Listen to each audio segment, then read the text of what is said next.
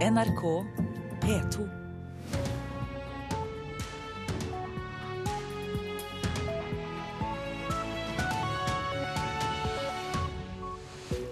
Dette er Nyhetsmorgen. Øystein Heggen er i studio. Vi skal straks snakke med utenriksminister Børge Brende om våpenhvilen på Gazastripen. Vi spør regjeringspartiet Høyre hvorfor en tredel av spesialundervisningen i grunnskolen utføres av personer uten lærerutdanning. Og hvorfor går Argentina så ofte konkurs? Vi håper på noen svar i denne sendingen. Og sjakk-OL starter i Tromsø i dag. Arrangørene håper å gi tilskuerne mulighet til å komme tett innpå spillerne. Som vi hørte i Dagsnytt, eh, Hamas og Israel har inngått en 72 timers våpenhvile på Gazastripen. Det betyr at det skal ha vært eh, våpenhvile nå i snart fire minutter. Utenriksmedarbeider Halvard Sandberg, det har vært våpenhviler tidligere i konflikten. Det har blitt brutt. Eh, har vi mer tro på denne? Denne virker jo mer robust. For det første så er det ikke en kortvarig humanitær våpenhvile på noen timer for å rydde et spesielt område, men dette er noe som gjelder hele stridsområdet, og det gjelder i 72 timer. Og det er Egypt og USA som står bak. Og at det skal sendes delegasjoner til Kairo, er et tegn på at partene regner med at dette skal vare lengre.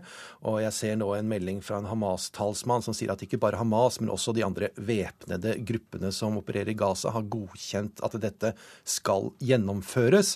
Og problemet før har jo vært at Hamas ikke nødvendigvis hatt kontroll over alle som slåss i området, slik at det har blitt brudd på våpenhviler. Og, eh, så dette virker mer troverdig, men det har vi jo sagt mange ganger før under andre konflikter, og det har blitt brutt veldig raskt.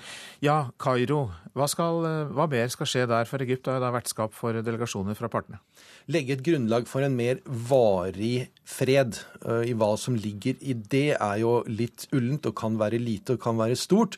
Men eh, det som blir sagt, er at man skal eh, diskutere de underliggende grunnene for konflikten og finne en løsning til det. John Kerry sier på en pressekonferanse at det må innebære at Israels behov for sikkerhet blir ivaretatt, og også de humanitære behovene for befolkningen i Gaza skal bli ivaretatt. Og Der har du jo kjernen i konflikten. Så hvis man skal finne en løsning på det i Kairo i løpet av noen dagers samtaler, så vil vi ha sett noe nytt i Midtøsten. Mange takk skal du ha så langt, utenriksmedarbeider Halvard Sandberg. Utenriksminister Børge Brende, du var raskt ute i natt og kommenterte våpenhvilen som altså skal vare i tre døgn. Hvilket håp gir dette for befolkningen på Gaza? Det bidrar jo forhåpentligvis nå til at eh, man i morgentimene avslutter de nærmest kamphandlingene man har sett eh, de siste ukene. 1450 palestinere er drept og 61 israelske soldater. Dette eh, kan være det første skritt eh, for å få på plass en permanent våpenhvile. Nå skal partene til Kairo. Egypt er da vertskap for delegasjonene. Hvilket håp har du for det som kan skje der? Det blir viktige møter i Kairo. Det har foregått et eh, avgjørende diplomatisk arbeid i de siste dagene, ledet av eh, Egypt og USA. Eh, og i tillegg har FN spilt en meget konstruktiv rolle. Man må finne en løsning på den akutte humanitære krisa. Man må få til en permanent våpenhvile. Og forhåpentligvis så vil diskusjonene i Kairo være begynnelsen på å få fredsprosessen på skinnene igjen, nemlig diskusjonen om en eh, varig tostatsløsning. Ja, du håper på en varig fred med en tostatsløsning, men når vi ser på den fiendskapen som har vært mellom partene de siste ukene, er ikke det vel optimistisk? Jeg syns ikke vi kan uh, håpe, uh, gi opp håpet. Tvert imot så syns jeg Eh, de hjerteskjærende bildene du har sett fra Gaza nå, eh, med flere hundre barn som har blitt drept, en viktig påminnelse om hva kostnadene er når det ikke er en fredsprosess. Jeg tror For Israel eh, så tror jeg det har gått opp at det ikke finnes noe status quo. Den eneste måten å ende fiendskapen på, er at palestinerne får sin egen stat innenfor grensene av 67 med mulighet for landbytte, og at John Kerrys plan, eh, som ble eh, dessverre spora av eh, i vår, den må tas opp igjen. Og det må reelle forhandlinger til mellom israelerne og palestinerne. Du nevnte at USA og FNs arbeid med våpenhvilen var viktig. Hvilken rolle kan Norge spille? Norge er bedt om å avholde en internasjonal giverlandskonferanse i løpet av høsten. Eh, Palestina trenger nå utrolig mye bistand, ikke minst for å bygge de viktige statsfunksjonene som palestinerne trenger. Eh, denne giverlandskonferansen vil være et eh, viktig første eh, skritt. Og når en permanent våpenhvile forhåpentligvis kommer på plass i Kairo, så kan vi begynne planlegging av dette. Og Det er jo en oppgave som følger av at Norge leder giverlandsgruppa for Palestina. og Det har vi gjort helt siden Oslo-prosessen på 90-tallet. Takk skal du ha, utenriksminister Børge Brende. Som vi også hørte i Dagsnytt, så reiser unge menn fortsatt fra Norge for å delta i borgerkrigen i Syria. Det sier sjefen for Politiets sikkerhetstjeneste, Benedikte Bjørnland. Tidligere i år så det ut til at strømmen av slike fremmedkrigere var i ferd med å avta, men det har ikke skjedd, sier Bjørnland. Det er en vedvarende reisevirksomhet som bekymrer oss. og Det er jo knyttet til at eh, vi ser at enkeltindivider av de som reiser, de knytter seg til eh, terrororganisasjoner som ISIL og Jabhat al-Nusra to kjente terrorgrupper som opererer i Syria, og som også har vært i krig med hverandre. Tidligere i år kom det meldinger om at det så ut som at færre reiste til Syria, bl.a. pga. disse interne kampene. Flere har ikke kommet hjem igjen. Etter det NRK vet om, skal ni være drept. Likevel rekrutteres det altså fortsatt krigere fra Norge. Eh, og gjennom det eh, så kan de risikere å delta i drap, tortur, grusomheter. De kan erverve kunnskap om det å være i strid, kampteknikker, det å lage eksplosiver. Og i verste fall så kan de også motta et oppdrag om å gjøre noe når de returnerer til Norge. Vi ser at unge, påvirkelige personer blir forsøkt rekruttert inn i ekstreme miljø. Pressekonferansen i går. Norge står ikke lenger overfor en alvorlig terrortrussel. Politiet låser våpnene inn i skapene igjen, og det er større sjanse for å komme hjem fra utenlandsferien uten å bli kontrollert på grensene. Men det betyr på ingen måte at den generelle bekymringen om at nordmenn bestemmer seg for å reise til Syria og delta i hellig krig, er blitt noe lavere. PST-sjef Benedicte Bjørnland sier denne trusselen fortsatt er svært alvorlig. Det er ikke riktig å si at den har eh, avtatt. Den stabiliserte seg. Eh, og eh, vi er jo der at det er nå over 50 personer som har reist fra Norge til Syria. Noen har returnert, noen har blitt drept. Og den reiseaktiviteten har jo ikke avtatt. Det er vår største bekymring i inneværende år. Og også justisminister Anders Anundsen er bekymra. Så vi må på en måte ta dette på to vis. Det ene er forebyggingssporet, som er et ekstremt viktig spor. Som egentlig er et samfunnsansvar for deg og meg også, å være oppmerksom på hva er det som skjer i disse prosessene. Hva skal jeg melde om, når er det vi skal melde, og hva eh, bør jeg se etter. Eh, samtidig som det er viktig at vi gir tjenestene de virkemidlene de trenger for å håndtere de som allerede er radikalisert. Reporter Ellen Borge Christoffersen. Personer uten lærerutdanning utfører en tredel av all spesialundervisning i grunnskolen. Det viser ny forskning. I dag får 50 000 spesialundervisning på skolen. Jeg hadde jo likt å sett eh, hvis en ordinær klasse f.eks. hadde en pedagog mandag-tirsdag, og så var det ufaglært onsdag, torsdag, fredag. Det tror jeg ikke så mange foreldre hadde godtatt så veldig lenge. Kristine Vikane er mamma til en snart ti år gammel gutt som begynner i femte klasse til høsten. Han er like smart som tiåringer flest, men har cerebral parese, sitter i rullestol og kan ikke snakke. Han får ofte undervisning av ufaglærte, og ikke lærere som resten av klassen. I verste fall så, så lærer jo ikke han nok til å, å få et vitnemål. Det, det syns vi at han kan klare og fortjene når han har normale evner. Han er en av 50 000 elever med spesialundervisning her i landet. En tredel av all spesialundervisninga som blir gitt i grunnskolen, utføres av assistenter uten lærerutdanning, viser ny forskning. Pedagogikkprofessor ved Høgskolen i Hedmark, Thomas Nordahl, er en av forskerne bak undersøkelsen. Assistenters oppgave skal egentlig være å legge til rette hverdagen. De skal ikke brukes i forhold til faglig undervisning eller i forhold til elevers læring i fag. Og det er det som skjer, og det er ikke i samsvar med lovverket. Jeg har opplevd det som en kamp eh, for å få det vi har krav på. Etter lange klageprosesser og hjelp fra familie har Vikanes sønn fått noe mer lærerundervisning og et bedre undervisningsopplegg. Jeg hadde aldri klart dette sjøl.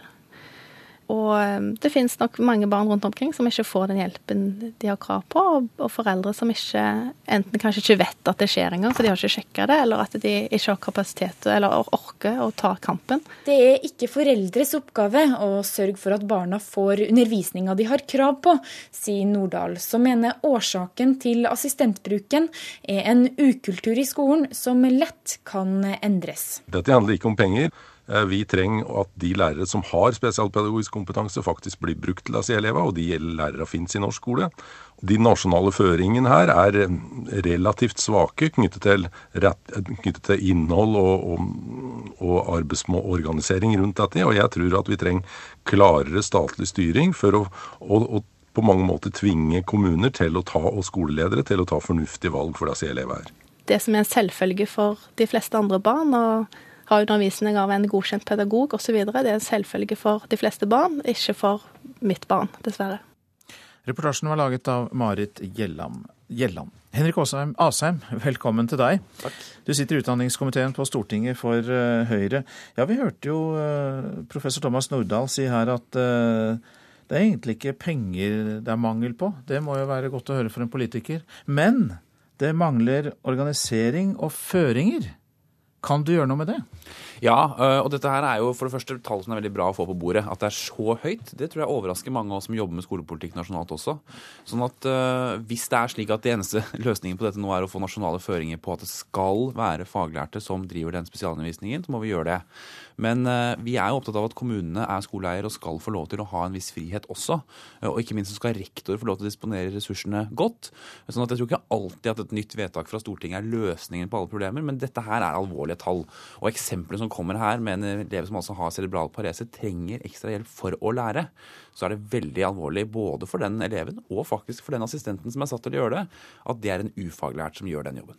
Hva tror du de driver med, da, de som er faglærte, og som vi hørte her tydeligvis har nok av, men de gjør andre ting? Ja, og jeg tror noe av det som er en litt sånn større strukturell debatt som vi må ta i norsk skole, er om faktisk for mange elever tas ut av klasserommet for å få spesialundervisning. At vi sprer ressursene utover for mange elever. Eh, for det kan ikke være slik at man tar ut alle elever som bråker litt ekstra eller et eller annet sånt. Eh, og det handler om klasseledelse. Og noe av det som vi gjør nå, er jo f.eks. å drive mye videreutdanning av lærere også på klasseledelse. Vi ser at noe av det lærerne, særlig i ungdomsskolen, etterspør mest, er videreutdanning i klasseledelse. Så hvis vi får brukt ressursene skikkelig, slik at de som har krav på eh, og har behov for skikkelig oppfølging, får det, så tror jeg kanskje også flere elever bør være i klasserommet istedenfor å tas ut av klasserommet. Du er altså ikke fremmed for eh, noe mer styring fra sentralt hold. Samtidig så sier du at det er kommunene som har ansvaret. Men hvis kommunene fortsetter å sette ufaglærte til eh, elever med spesielle behov, bør det få mer alvorlige følger for kommunene når de gjør det? Ja, altså jeg mener at det viktigste er elevens rettigheter. Og en elev som har lærevansker eller ekstra utfordringer, og som da får en ufaglært assistent som ikke, som Nordahl helt riktig påpeker, i lovverket er lov å gjøre. Altså En assistent kan legge til rette, men ikke undervise. Så må det få konsekvenser eh, både for den skolen og for eh, kommunen hvis det er noe man driver med i utstrakt eh, omfang. Men jeg tror ikke det egentlig er situasjonen. Jeg tror både rektorer og kommuner ønsker det beste for elevene, men at man kanskje sprer ressursene litt for tynt utover. At for mange skal få eh, litt istedenfor at de som trenger det, får all hjelpen. Ja, Så er det spørsmålet som må stilles. Er det slik at kommunene sparer penger på å bruke de ufaglærte?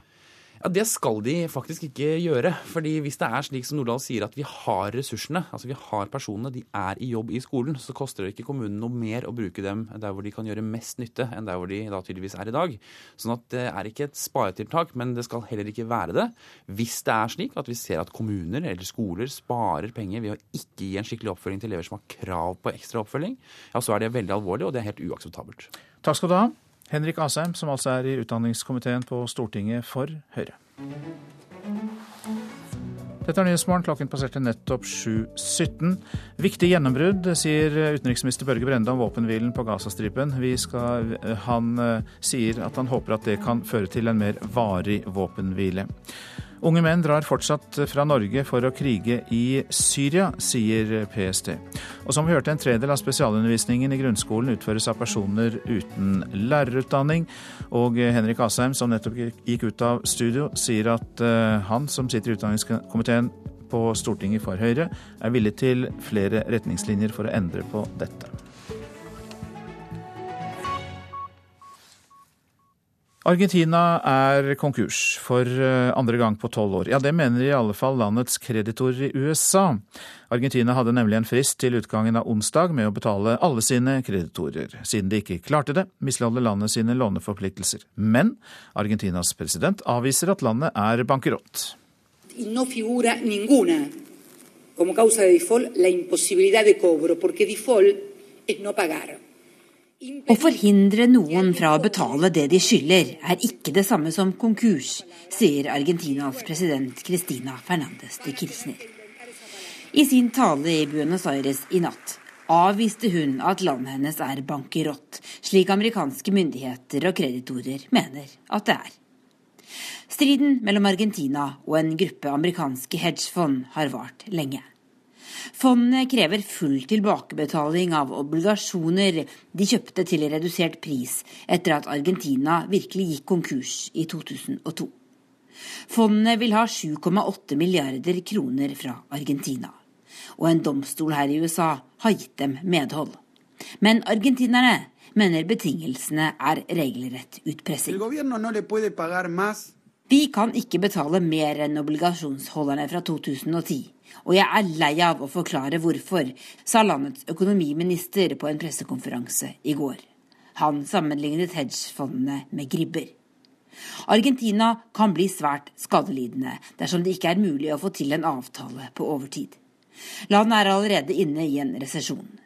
Inflasjonen er høy, og befolkningen husker med gru det som skjedde for tolv år siden, da folk ble drept i opptøyer i gatene og argentineres sparepenger forsvant fullstendig over natta.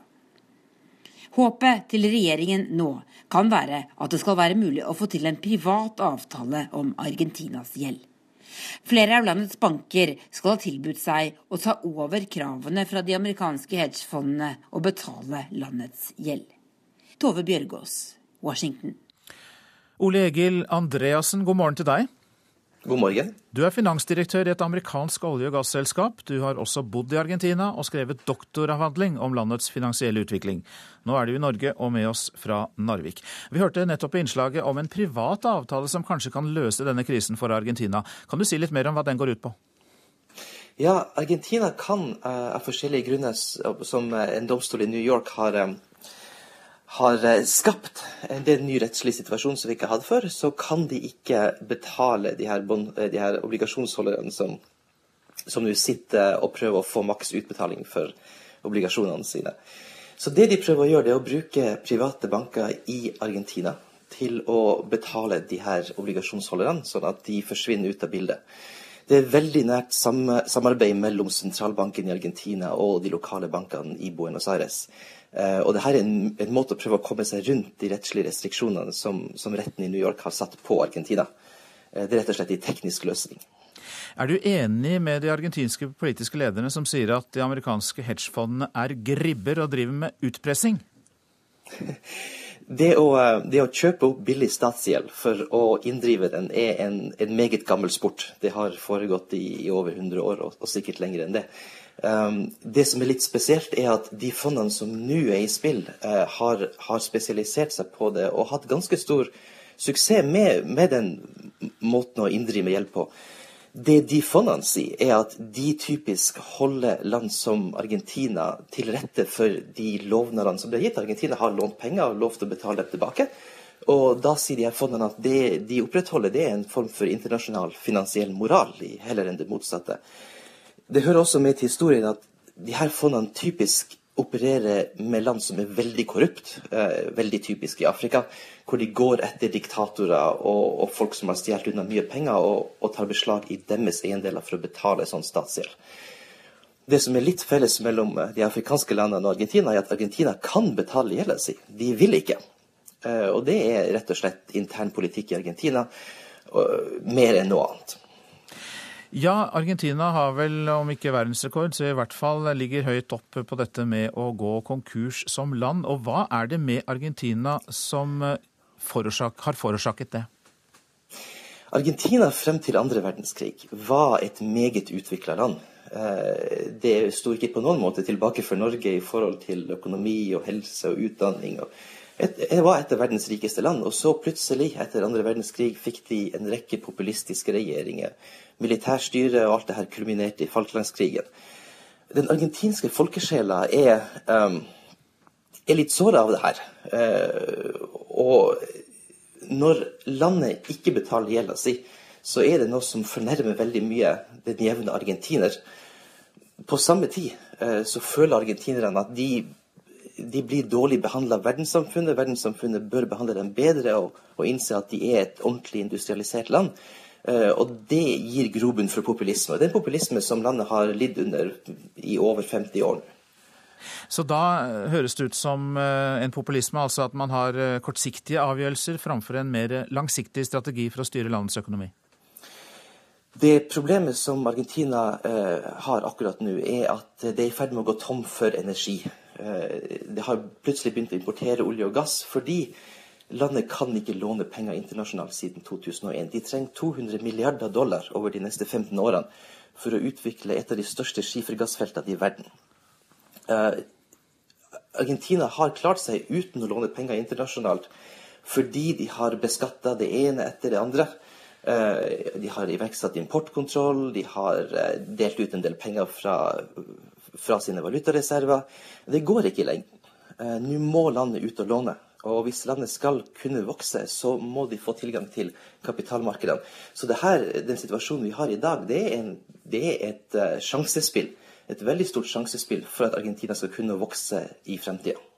Mange takk, Ole Egil Andreassen, som altså er finansdirektør i et amerikansk olje- og gasselskap, og har skrevet uh, doktoravhandling om Argentinas finansielle utvikling. Ja, dette er Nyhetsmorgen, og dette er presserunden. Nå skal vi snakke litt om hva avisen er opptatt av. Det er ikke USA som ligger øverst på fedmetoppen, får vi vite i Aftenposten. Hele 23 land ligger foran, bl.a. Eh, land eh, og bl.a. Egypt, Jordan, Sør-Afrika og Mexico med mer overvektig befolkning. Dagbladet forteller om en internasjonal politijakt på en leiemorder. En mann fra Kapp Verde utenfor Vest-Afrika skal ha blitt leid inn for å drepe et gjengmedlem på Ensjø i Oslo i 2012. Mannen ble arrestert i utlandet og ble i går varetektsfengslet i eh, Oslo. Befolkningen tilvennes stadig mer til overvåkning, sier Ketil Lund til Klassekampen. Den tidligere lederen av kommisjonen som gransket de hemmelige tjenestene, mener offentlige terroralarmer er en strategi som blir brukt for økt overvåkning, og bidrar til å mistenkeliggjøre muslimske krefter. Mor sendes til Nigeria mens barna blir i Norge. Ifølge Dagsavisen blir barn plassert av barnevernet i norske fosterfamilier, mens Utlendingsdirektoratet sender mødrene til Nigeria. Kan være brudd på menneskerettighetene, mener advokat. Ikea saksøker Skatt øst etter skattesmell på 123 millioner kroner, får vi vite i Dagens Næringsliv. Møbelgiganten går rettens vei for å få fradrag for gjeldsrenter. Kommunene svikter beredskapen, skriver Nasjonen. Sju av ti kommuner har mangelfull beredskap for alt fra storbrann til terror, ifølge en undersøkelse fra Direktoratet for sikkerhet og beredskap. Homoaktivisten Kim Friele sier til Vårt Land at hun har sitt private forhold til Vår Herre. Friele bor på Geilo nå, der hun underviser konfirmanter i kirken. Friele mener fortsatt at det har vært for lite nestekjærlighet der. Velger cupluksus foran luftmadrass, skriver Bergens Tidende om Norway Cup. Rekordmange deltakere har valgt hotellseng under årets fotballturnering i Oslo. Jeg er bekymret for at mange ikke har råd til å bli med, for da mister vi hele poenget med barneidretten, sier Henrik Lunde i Norges Fotballforbund. Tidenes gladsommer for meg, sier TV-kjendis fra NRK Dan Børge Akerø til VG. Han ble rammet av hjerteinfarkt på badegulvet hjemme, men sier han fikk livet tilbake fordi kona forsto alvoret, alvoret og ambulansen var i nærheten. Publikum kan komme tett innpå spillerne under sjakk-OL, til tross for en rekke sikkerhetstiltak. Det sier administrerende direktør for sjakk-OL i Tromsø, som begynner i dag, Børge Robertsen. Han håper publikum vil merke lite til sikkerhetstiltakene. De er veldig tett på. Det er mulighet for dem å sitte eh, noen meter unna, men det er sperrebånd imellom.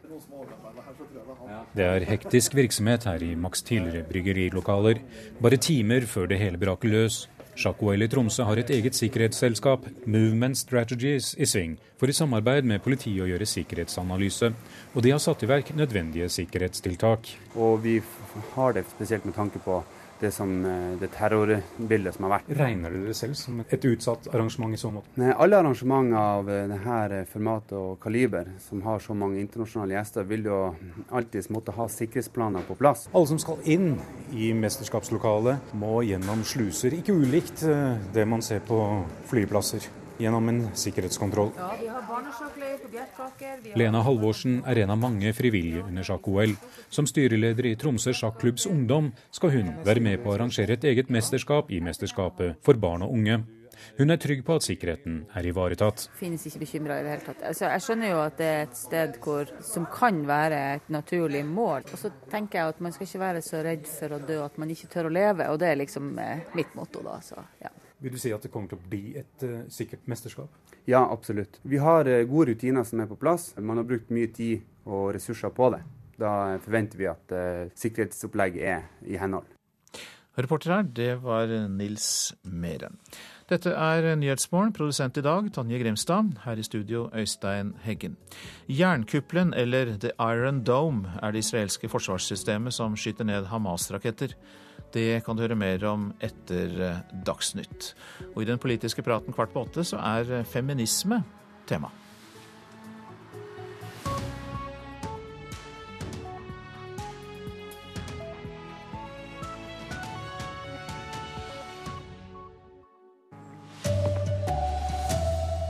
Våpenhvilen mellom Israel og Hamas har startet, skal ikke krige på tre døgn. En stor del av spesialundervisningen i skolen blir gitt av lærere uten utdanning. Og entusiasmen er stor foran åpningen av sjakk-OL i Tromsø i kveld. God morgen, her er NRK Dagsnytt, klokka er 7.30. Hamas og Israel skal diskutere en varig fred etter at det fra klokka sju i dag ble innført våpenhvile på Gazastripen. Delegasjoner fra partene skal øyeblikkelig starte forhandlinger i den egyptiske hovedstaden Kairo.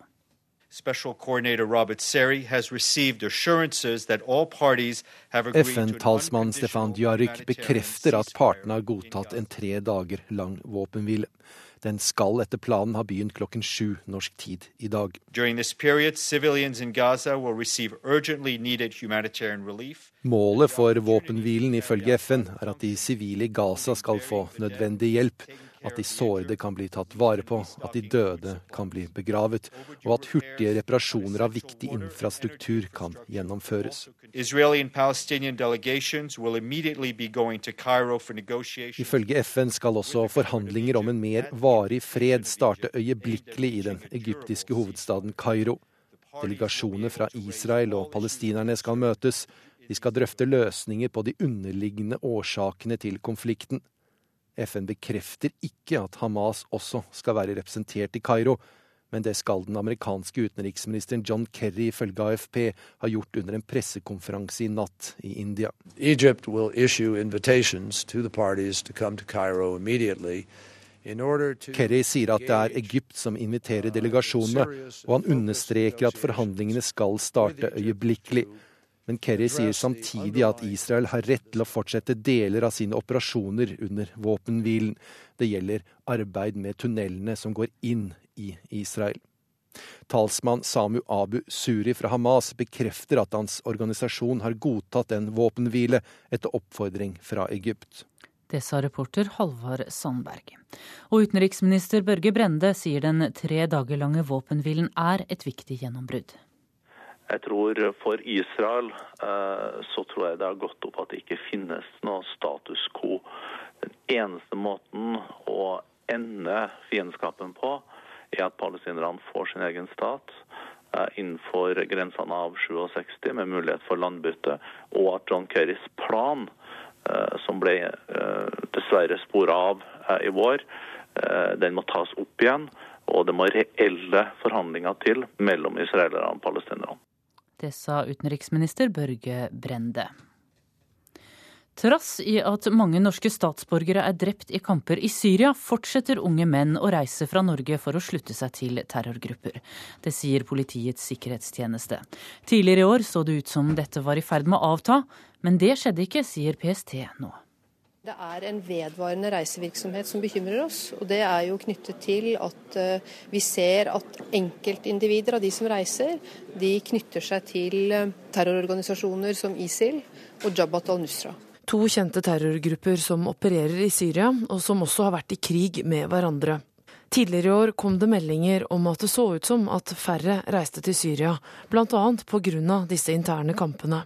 Flere har ikke kommet hjem igjen. Etter det NRK vet om, skal ni være drept. Likevel rekrutteres det altså fortsatt krigere fra Norge. Vi ser at unge, påvirkelige personer blir forsøkt rekruttert inn i ekstreme miljø pressekonferansen i går. Norge står ikke lenger overfor en alvorlig terrortrussel.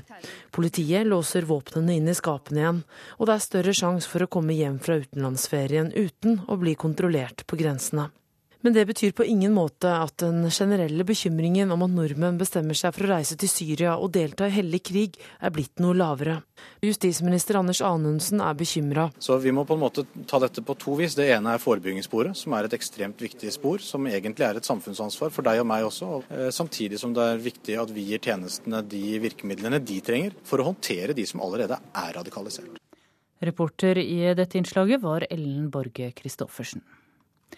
Så til skolen. En tredel av spesialundervisningen i grunnskolen gjøres av folk uten lærerutdanning. Det viser en ny undersøkelse. I dag får 50 000 elever ekstra hjelp på skolen pga. lærevansker. Jeg hadde jo likt å sett eh, hvis en ordinær klasse f.eks. hadde en pedagog mandag-tirsdag, og så var det ufaglært onsdag, torsdag, fredag. Det tror jeg ikke så mange foreldre hadde godtatt så veldig lenge. Kristine Vikane er mamma til en snart ti år gammel gutt som begynner i femte klasse til høsten. Han er like smart som tiåringer flest, men har cerebral parese, sitter i rullestol og kan ikke snakke. Han får ofte undervisning av ufaglærte, og ikke lærere som resten av klassen. I verste fall så, så lærer jo ikke han nok til å, å få et vitnemål. Det, det syns vi at han kan klare og fortjene når han har normale evner. Han er en av stadig flere med spesialundervisning her i landet. En tredel av all spesialundervisninga som blir gitt i grunnskolen, utføres av assistenter uten lærerutdanning, viser ny forskning. Assistenters oppgave skal egentlig være å legge til rette hverdagen. Sier pedagogikkforsker ved Høgskolen i Hedmark, Thomas Nordahl. De skal ikke brukes i forhold til faglig undervisning eller i forhold til elevers læring i fag. Og det er det som skjer, og det er ikke i samsvar med lovverket. Han er en av forskerne bak de nye undersøkelsene, og mener årsaken til assistentbruken er en ukultur i skolen som kan endres. Dette handler ikke om penger. Eh, vi trenger at de lærere som har spesialpedagogisk kompetanse, faktisk blir brukt til disse elevene, og de lærere finnes i norsk skole. Det som er en selvfølge for de fleste andre barn, og ha undervisning av en godkjent pedagog osv., det er en selvfølge for de fleste barn, ikke for mitt barn, dessverre. Reporter her var Marit Gjelland. Henrik Åsheim, du sitter i utdanningskomiteen på Stortinget for Høyre. Hvordan reagerer du på at skolene setter assistenter uten utdanning til å undervise dem som kanskje trenger hjelpen aller mest? Ja, Det mener jeg ganske alvorlig, men i hvert fall at det er alvorlig når vi får vite at omfanget er så stort. altså At en tredjedel av elevene som får spesialundervisning, får det av ufaglærte. Eh, sånn skal det, som Thomas Nordahl helt riktig sier, ikke være. Altså En assistent kan være veldig god å ha til å avlaste, men ikke for å undervise. Eh, og Det må vi sørge for at det ikke er situasjonen. Vi har ressursene, og de skal brukes på de elevene som har behov for oppfølging. Spesialundervisningen er altså kommunenes ansvar, men trengs det mer statlig styring her, da? Det kan godt hende. Uh, altså det er sånn at Vi som uh, sitter i regjering nå, vi er veldig opptatt av at uh, kommunene som skoleeiere skal ha en stor frihet. Det skal også rektorene ha. De skal ha tillit og frihet til å disponere ressursene sine. Men hvis det er slik at så mange elever som har krav på ekstra oppfølging, ikke får det, eller får det i hvert fall av ufaglærte, så må vi se på om vi også må komme med tydeligere signaler fra sentralt hold. Men jeg tror ikke alltid at et nytt stortingsvedtak eller nytt direktiv er løsningen på alle problemer i skolen. Men da må i så fall bevisstheten ute i kommunene og på lærerværelsene være at de ressursene vi har som skal følge opp spesialundervisningen, ja, de må komme fra faglærte, dyktige lærere, ikke ufaglærte assistenter. Kort til slutt, Hvilke følger bør det få da, når kommunene setter ufaglærte til dette? Ja, Det er uakseptabelt. Fordi en elev som har lærevansker fra før, skal i hvert fall ikke bli møtt med uh, ufaglært hjelp. De skal få ekstra hjelp, uh, og da må vi se på hvordan vi kan gjøre det. Men jeg tror ikke målet først og fremst er å gi bøter til kommunene eller straffe de som har ansvaret, men å sørge for at ressursene i skolen brukes på de elevene som har krav på oppfølging, ikke på uh, andre ting. Takk skal du ha, Henrik Asheim, utdanningskomiteen for Høyre, altså. I kveld er det klart for åpningsseremoni for sjakk-OL i Tromsø. Det kommer i overkant av 3000 deltakere fra 174 land til turneringen. Det er første gang det arrangeres et OL i sjakk i Norge, og pressesjef Morgan Lillegård har store forventninger. Vi kan forvente oss et av de beste åpningsshowene noen gang i sjakk-OL sin historie. Det blir et fantastisk forrykende åpningsshow, regissert ned til én time, slik at det blir opplevelser hele tida. Publikum som skal til Skarphallen for å se åpningsseremonien klokka 19.30, anbefales å møte opp senest en halv time før showet starter. Årsaken er at det skal sendes direkte på NRK1, som gjør sin største TV-produksjon noensinne under sjakk-OL i Tromsø. Lillegård er ikke i tvil om hva han gleder seg mest til. Jeg kommer til å få gåsehud når eh, det, det, norske flagget kommer opp på, på skjermen. Dette er jo et lagmesterskap. Det er nasjonene som kjemper mot hverandre. Her er det Norge som skal vinne kampene. Så når det norske flagget vises i kveld, da har jeg gåsehud. I tillegg til den høytidelige flaggseremonien skal fungerende statsminister Siv Jensen utføre den offisielle åpninga av turneringa, og lokale artister som Violet Road, Lisa Stokke og Hekla Stålstrenger skal opptre. Lillegård håper Tromsøs befolkning vil rive vekk de siste billettene som er igjen, og møte opp på åpningsseremonien. Ta del i historien. Ta del i historien om det første sjakk-OL arrangert noen gang i Norge, i Tromsø. opplevde åpningsshowet i Skarpan. Reporter her var Ulla Kristine Rafaelsen. Ansvarlig for Dagsnytt denne morgenen er Ulf Tannes Fjell. Det tekniske ansvaret har Hanne Lunås. Her i studio Tone Nordahl.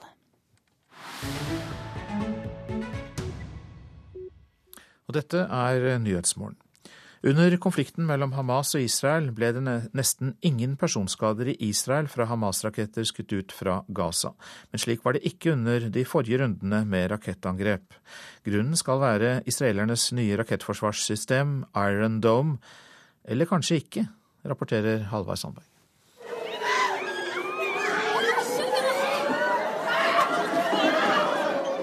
Holland, Israel. Det er kveld tirsdag 8. juli. Alarmen forteller at raketter fra Gaza er på vei. Hver av dem kommer i supersonisk hastighet. Hver av dem har 10-15 kilo med høyeksplosiver i nesen. Hvor de lander, vet ikke sivilbefolkningen på bakken.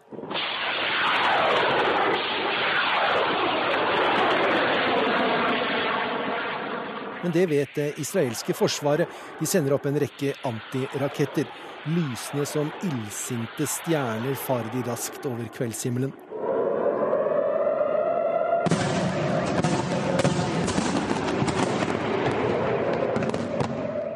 Sekundet senere kommer bekreftelsen. Eksplosjonene er ikke raketter som treffer bakken, det er lyden av stridshodene i antirakettene som detonerer og ødelegger en rakett fra Gaza. Det er i hvert fall hva sivilbefolkningen tror. Mer om det senere. With a wave of its innovative wand, Den israelske våpenprodusenten Rafael skryter av Iron Dome, jernkuppelen. Det israelsk utviklede våpenet skal være i stand til å stoppe kortdistanseraketter og artillerigranater. Første gang utplassert i mars 2011. Etter det skal systemet ha spilt en viktig rolle i forsvaret av sivilbefolkningen. Hjertet av systemet er Tamir-raketten og radaren som styrer den inn mot målet. Uh, they're not succeeding because of two reasons. One is because we've developed this incredible missile defense system. Den israelske statsministeren Benjamin Netanyahu mener Iron Dome er en historisk utvikling. Aldri før har det eksistert et forsvarssystem som beskytter mot slike raketter, og beskytter så godt. Det israelske forsvaret mener de treffer 90% av rakettene de sikter seg inn mot.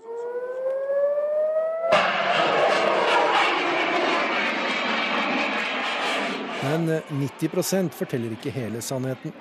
Forsvaret angriper bare raketter som er på vei mot et befolket område. Det er omtrent 20% av de ubudne gjestene fra Gaza som potensielt kan treffe hus, plasser eller veier. De er unøyaktige. Og det å treffe en rakett er ikke det samme som å ødelegge den. Blir rakettkroppen ødelagt, men stridshodet fortsatt fungerer, så kan det føre til skader på bakken. Men heller ikke dette forteller hele historien. We can tell for sure from uh, video images and even photographs that the Iron Dome system is, is not working very well at all. It, uh, my guess is Professor Ted Postal ved MIT Boston er antirakettekspert. Til National Public Radio sier han at kanskje bare 5% av rakettene israelerne vil ødelegge, blir ødelagt. Det vil si at stridshodet ødelegges. Han har studert video på internett som viser Iron Dome i aktivitet, og han har gjennomført en tilsynelatende god matematisk analyse.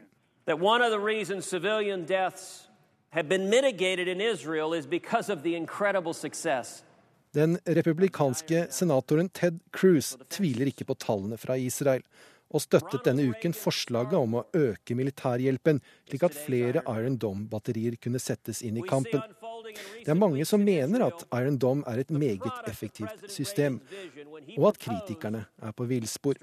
Beregningene til Posto blir avfeid av israelske myndigheter fordi han ikke har tilgang til rådata, bare YouTube-videoer. Og i og med at det er pengene som rår, så burde følgende argument kanskje ha vekt. Under denne konflikten er erstatningskrav til israelske forsikringsselskaper pga. skader fra fiendtlige raketter mye lavere enn under de forrige konfliktene. Dette er Nyhetsmorgen, dette er hovedsaker. Våpenhvilen mellom Israel og Hamas har startet, skal vare i tre døgn. En tredel av spesialundervisningen i grunnskolen utføres av personer uten lærerutdanning, viser undersøkelse. Og unge menn drar fortsatt fra Norge for å krige i Syria. Strømmen av slike fremmedkrigere har ikke avtatt, sier PST-leder Benedikte Bjørnland. I Sverige har feminismen fått en renessanse. Partiet Feministisk initiativ gjør det godt på målingene og kan komme inn i Riksdagen etter valget i høst.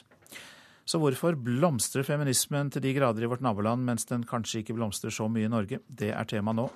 Kommentator i Dagbladet, Marte Michelet først. Du bor til vanlig i Stockholm, og hva er grunnen til at uh, Feministisk initiativ gjør det så bra? Det er det ingen som helt kan svare på. Det er et slags mysterium i svensk politikk for tida. Eh, jeg har snakka med flere svenske eksperter som eh, alle sammen er litt overvelda av eh, det faktum at Feministisk initiativ nå ligger rett under sperregrensa. Har kara seg opp på 3,5% i tidligere valg har Feministisk initiativ vært helt marginalisert. I valget i 2010 hadde de 0,48 i resultat. Uh, og de har, Feministisk initiativ har seilt på en bølge nå fra europaparlamentsvalget. Uh, et type valg hvor små partier jo gjerne gjør det mye bedre. Uh, for der er det ikke noe regjeringsspørsmål. Det er det, mange oppfatter EU-valget som ja, litt mindre viktig, og et sted hvor du kan sende noen med én sak. Har du prøvd å løse det mysteriet? sånn tenkt rundt det? Ja, det er klart det er jo altså, det er et, et, Totalt mystisk er det jo ikke. Men jeg Mm, jeg tror det er sånn at eh, regjeringsspørsmålet i Sverige er nå relativt avklart. Det er veldig lite sannsynlig at den borgerlige regjeringa blir eh, gjenvalgt. Eh, de, den venstreside um, som ikke er, en, som ikke er et rød-grønt samarbeid sånn som i Norge, det er en løsere sammenslutning. Men altså Miljøpartiet, Sosialdemokratene og Venstrepartiet eh, ligger an til å få veldig eh, soleklart flertall. Og da åpner det seg eh, muligheter for andre, hva skal man si, understrømmer på venstresida til å uh, få betydning. Da, da, blir, da, da, vil mange at feminismen skal være viktig i den, i den nye regjeringsdannelsen. Uh, og tenker at Gudrun Schyman, den gamle lederen for Venstrepartiet, en slugger i svensk politikk, vil kunne representere det på en, på, en, på en, bedre måte enn de mannlige partilederne i, i resten av, på resten av venstresida. Ja, så langt en interessant beskrivelse fra Sverige og Stockholm, der du altså bor, Marte Michelet. Men det er flere som er med oss. Anniken Huitfeldt, leder av Arbeiderpartiets kvinnenettverk, du er med oss. God morgen. God morgen. Og Julie Bråttkorp, leder av Høyres kvinnenettverk, du er her i studio, mens uh, Anniken Huitfeldt da er i Kristiansand. Ja, vi tar og går til deg først, Anniken Huitfeldt, leder av Arbeiderpartiets kvinnenettverk. Hvorfor blomstrer ikke feminismen i Norge like mye som i Sverige?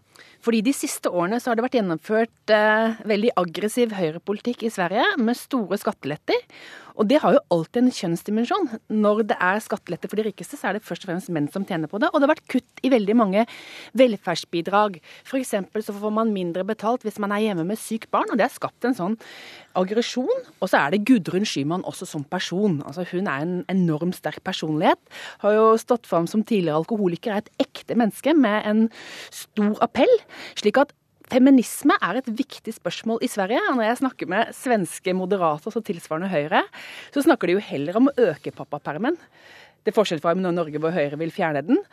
Og de var jo forferdet når de så Høyre i Norge som uh, arbeidet for denne reservasjonsretten. Så feminisme har blitt en viktig sak. Anniken Huitfeldt, takk skal du ha i denne omgang. Du beskriver det altså som ja, delvis personrelatert med Skymann, som er en slugger. Også systemforklaring har du også, nemlig den slemme venstresiden som eh, gjør det slik at feminismen blomstrer opp. Det kan vel Julie Brott, eh, det kan vel Høyresiden, unnskyld, eh, som, gjør, som forårsaker dette. Julie Brottkorp, du representerer jo Høyres kvinnenettverk. Er det en god forklaring? Altså, jeg, jeg, godtar ikke premissene. For vi opplever jo at, at, det virkelig har vært en blomstring av feminisme i Norge. Eh, vi, det er ikke lenger tilbake enn til 2010. Så, så har, eh, hvert år så har vi en stor kvinnekonferanse i Høyre for landsmøtet. Da var vi ganske fornøyd med at det kom 25 kvinner dit. Altså nå sist, i mai, så det, var vi oppe i 136, og det stiger for hvert år. Sånn på den borgerlige siden så har vi jo sett at med åtte år eh, med rød-grønn regjering, hvor all fokus lå på systemet og intet på individet, så blomstret feminismen opp. Fordi i Høyre så er vi jo opptatt av at kvinner er like forskjellige som menn. Vi er ikke en ensartet gruppe, og det må politikken ta hensyn til. Og jeg syns jo det, det, blir litt komisk når man da skal begynne å forklare en feministisk oppblomstring eh, med at man har hatt skattelette eh, altså Fokus på høyresiden i likestillingspolitikken nå ligger jo på kvinnehelse, hvor vi ligger langt etter fremdeles i Norge. Det ligger på vold i nære relasjoner. Jeg kan fortsette å nøste opp hvilket stort engasjement vi har i alle lokalforeninger i Høyre nå på disse sakene. Men det handler altså om disponibel inntekt, og dette er jo svenske feminister veldig opptatt av, for at forskjellene har økt de siste årene. Og klart at Det skaper jo et engasjement. For når det er, du får mindre penger når du er hjemme når du er syk, og vi vet at sykefraværet er høyere blant kvinner. Når du får mindre penger for å være hjemme med sykt barn, og det er flere kvinner som er hjemme med sykt barn, så får du en økonomisk dimensjon. Og jeg tror det er det som har skapt denne politiske diskusjonen i, i Sverige. Heldigvis er vi ikke der i Norge, men å si at feminisme bare handler om individ. Ja, det handler det også om. Hvilken kraft og styrke man har i seg. Men det handler også om økonomiske strukturer. Men Anniken Huitfeldt, jeg hørte på Bråttkorp at eh, det blomstrer på høyresiden og feminismen der. Så kanskje er det fordi de eh, har et bredere perspektiv enn det dere har? At dere er for mye fokusert om dette med kontantstøtten?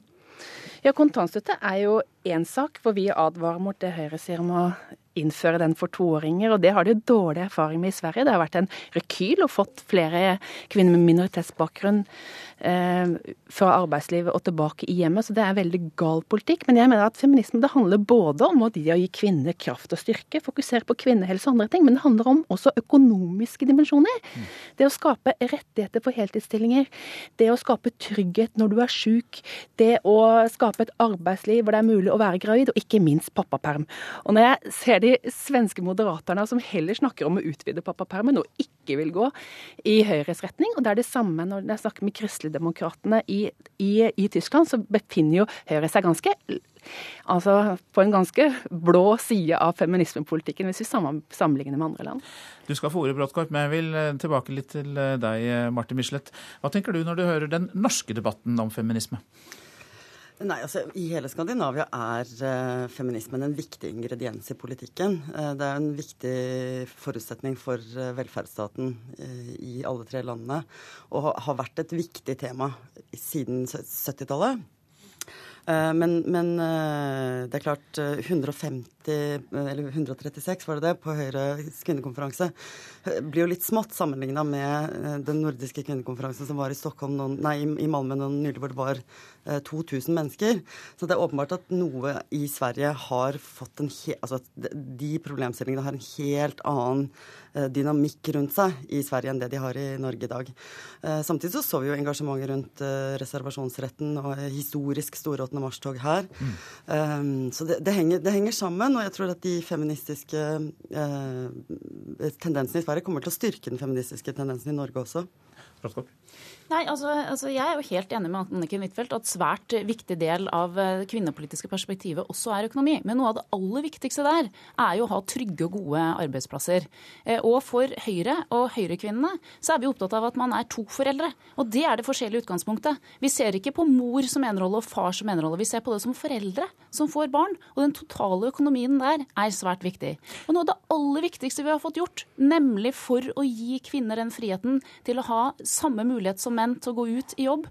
Eh, og det at unge par begge kan være i full jobb, det er jo barnehagedekningen.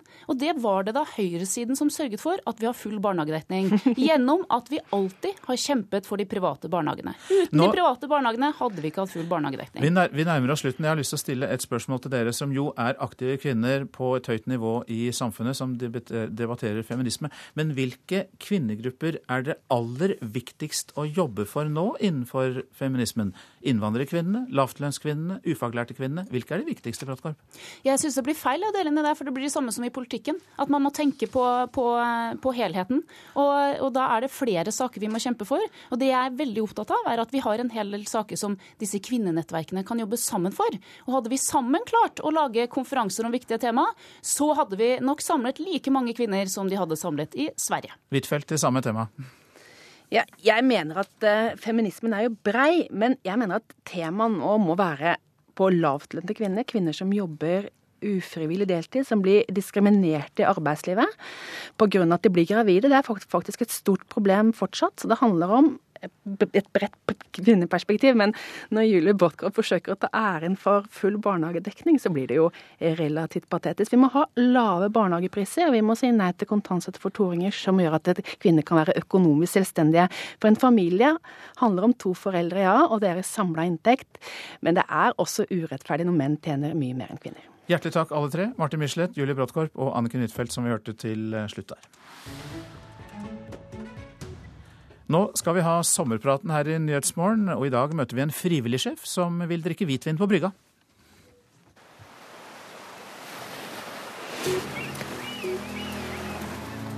Sommerserien i Nyhetsmorgen. Navn? Rikke Lind. Stilling? Generalsekretær i Redningsselskapet. Får du ferie?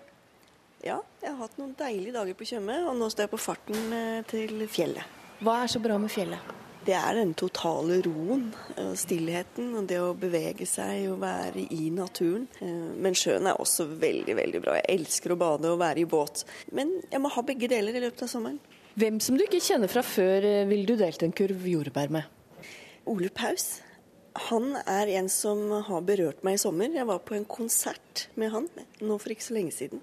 Og hans eh, utrolig enkle tekster, men så fantastisk dype. Og dette religiøse perspektivet kombinert med litt det politiske protestbudskapet.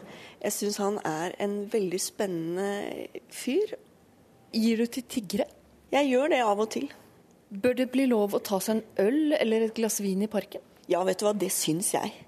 Eh, og park, det er jo også badestrender og sånne områder. Det å sitte og ta seg en øl eller et glass vin og nyte sommerværet, det syns jeg er helt greit, så lenge man eh, ikke er til sjenanse for andre.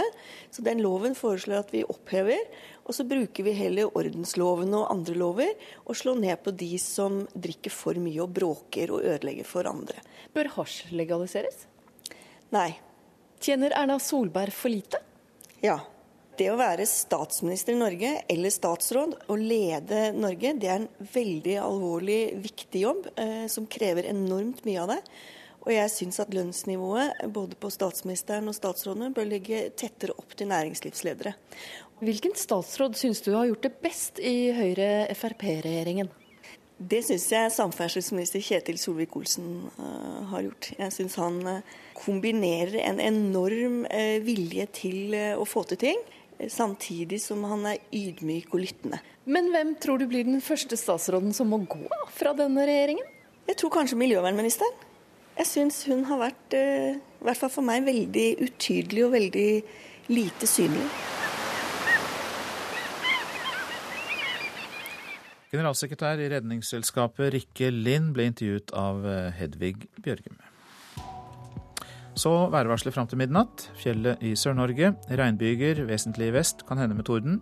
Sol av og til. Øst i Langfjella. Lettere vær til kvelden. Østlandet fra i formiddag opp i liten kuling på kysten. Pent vær, men enkelte regnbyger på kysten i morgentimene. Fra i ettermiddag noe mer skyet vær på Østlandet. Enkelte regnbyger, vesentlig da nord for Mjøsa. Telemark og Aust-Agder spredte regnbyger på kysten i morgentimene, ellers opphold og noe sol. Fra i ettermiddag noe mer skyet og enkelte regnbyger, kan hende med torden. Vest-Agder mest skyet vær, periode med regnbyger, kan hende med torden. Rogaland og Hordaland regnbyger, kan hende med torden i Rogaland. Fra i ettermiddag forbigående lettere vær. Sogn og Fjordane enkelte regnbyger, perioder med sol. Fra i ettermiddag minkende byggeaktivitet. Møre og Romsdal på kysten periodevis liten kuling. I ettermiddag minkende. Regnbyger, vesentlig indre strøk. I kveld blir det pent vær i Møre og Romsdal. Så var det Trøndelag. På kysten periodevis stiv kuling. Regnbyger, vesentlig i eh, indre strøk i sør, kan hende med torden. Det blir noe sol nord i Trøndelag. I kveld blir det pent vær igjen. Nordland på kysten periodevis sørvestlig liten kuling, av og til stiv kuling omkring Vestfjorden. Regnbyger, men lettere vær utover ettermiddagen. Troms regnbyger, mest på kysten, perioder med sol. Finnmark enkelte regnbyger og perioder med sol. Og så Nordensjøland på Spitsbergen, delvis skyet oppholdsvær. Så går vi til temperaturene, og disse ble målt klokka fem. Svalbard lufthavn pluss to, Kirkenes 14, Vardø 12, Alta, Tromsø-Langnes og Bodø 14, Brønnøysund og Trondheim 13, Molde 12. Eh, Bergen-Flesland 13 grader, Stavanger 14, Kristiansand-Kjevik 12. Gardermoen og Lillehammer 11 grader, Røros hadde 7 grader og Oslo-Blindern 14 grader. Dette var temperaturene fra klokka fem i natt. Du har hørt på eh, Nyhetsmorgen, og vi fortsetter med nyheter når klokken er 8.30, men nå straks eh, Dagsnytt, og deretter får vi en halvtime med Kulturnytt.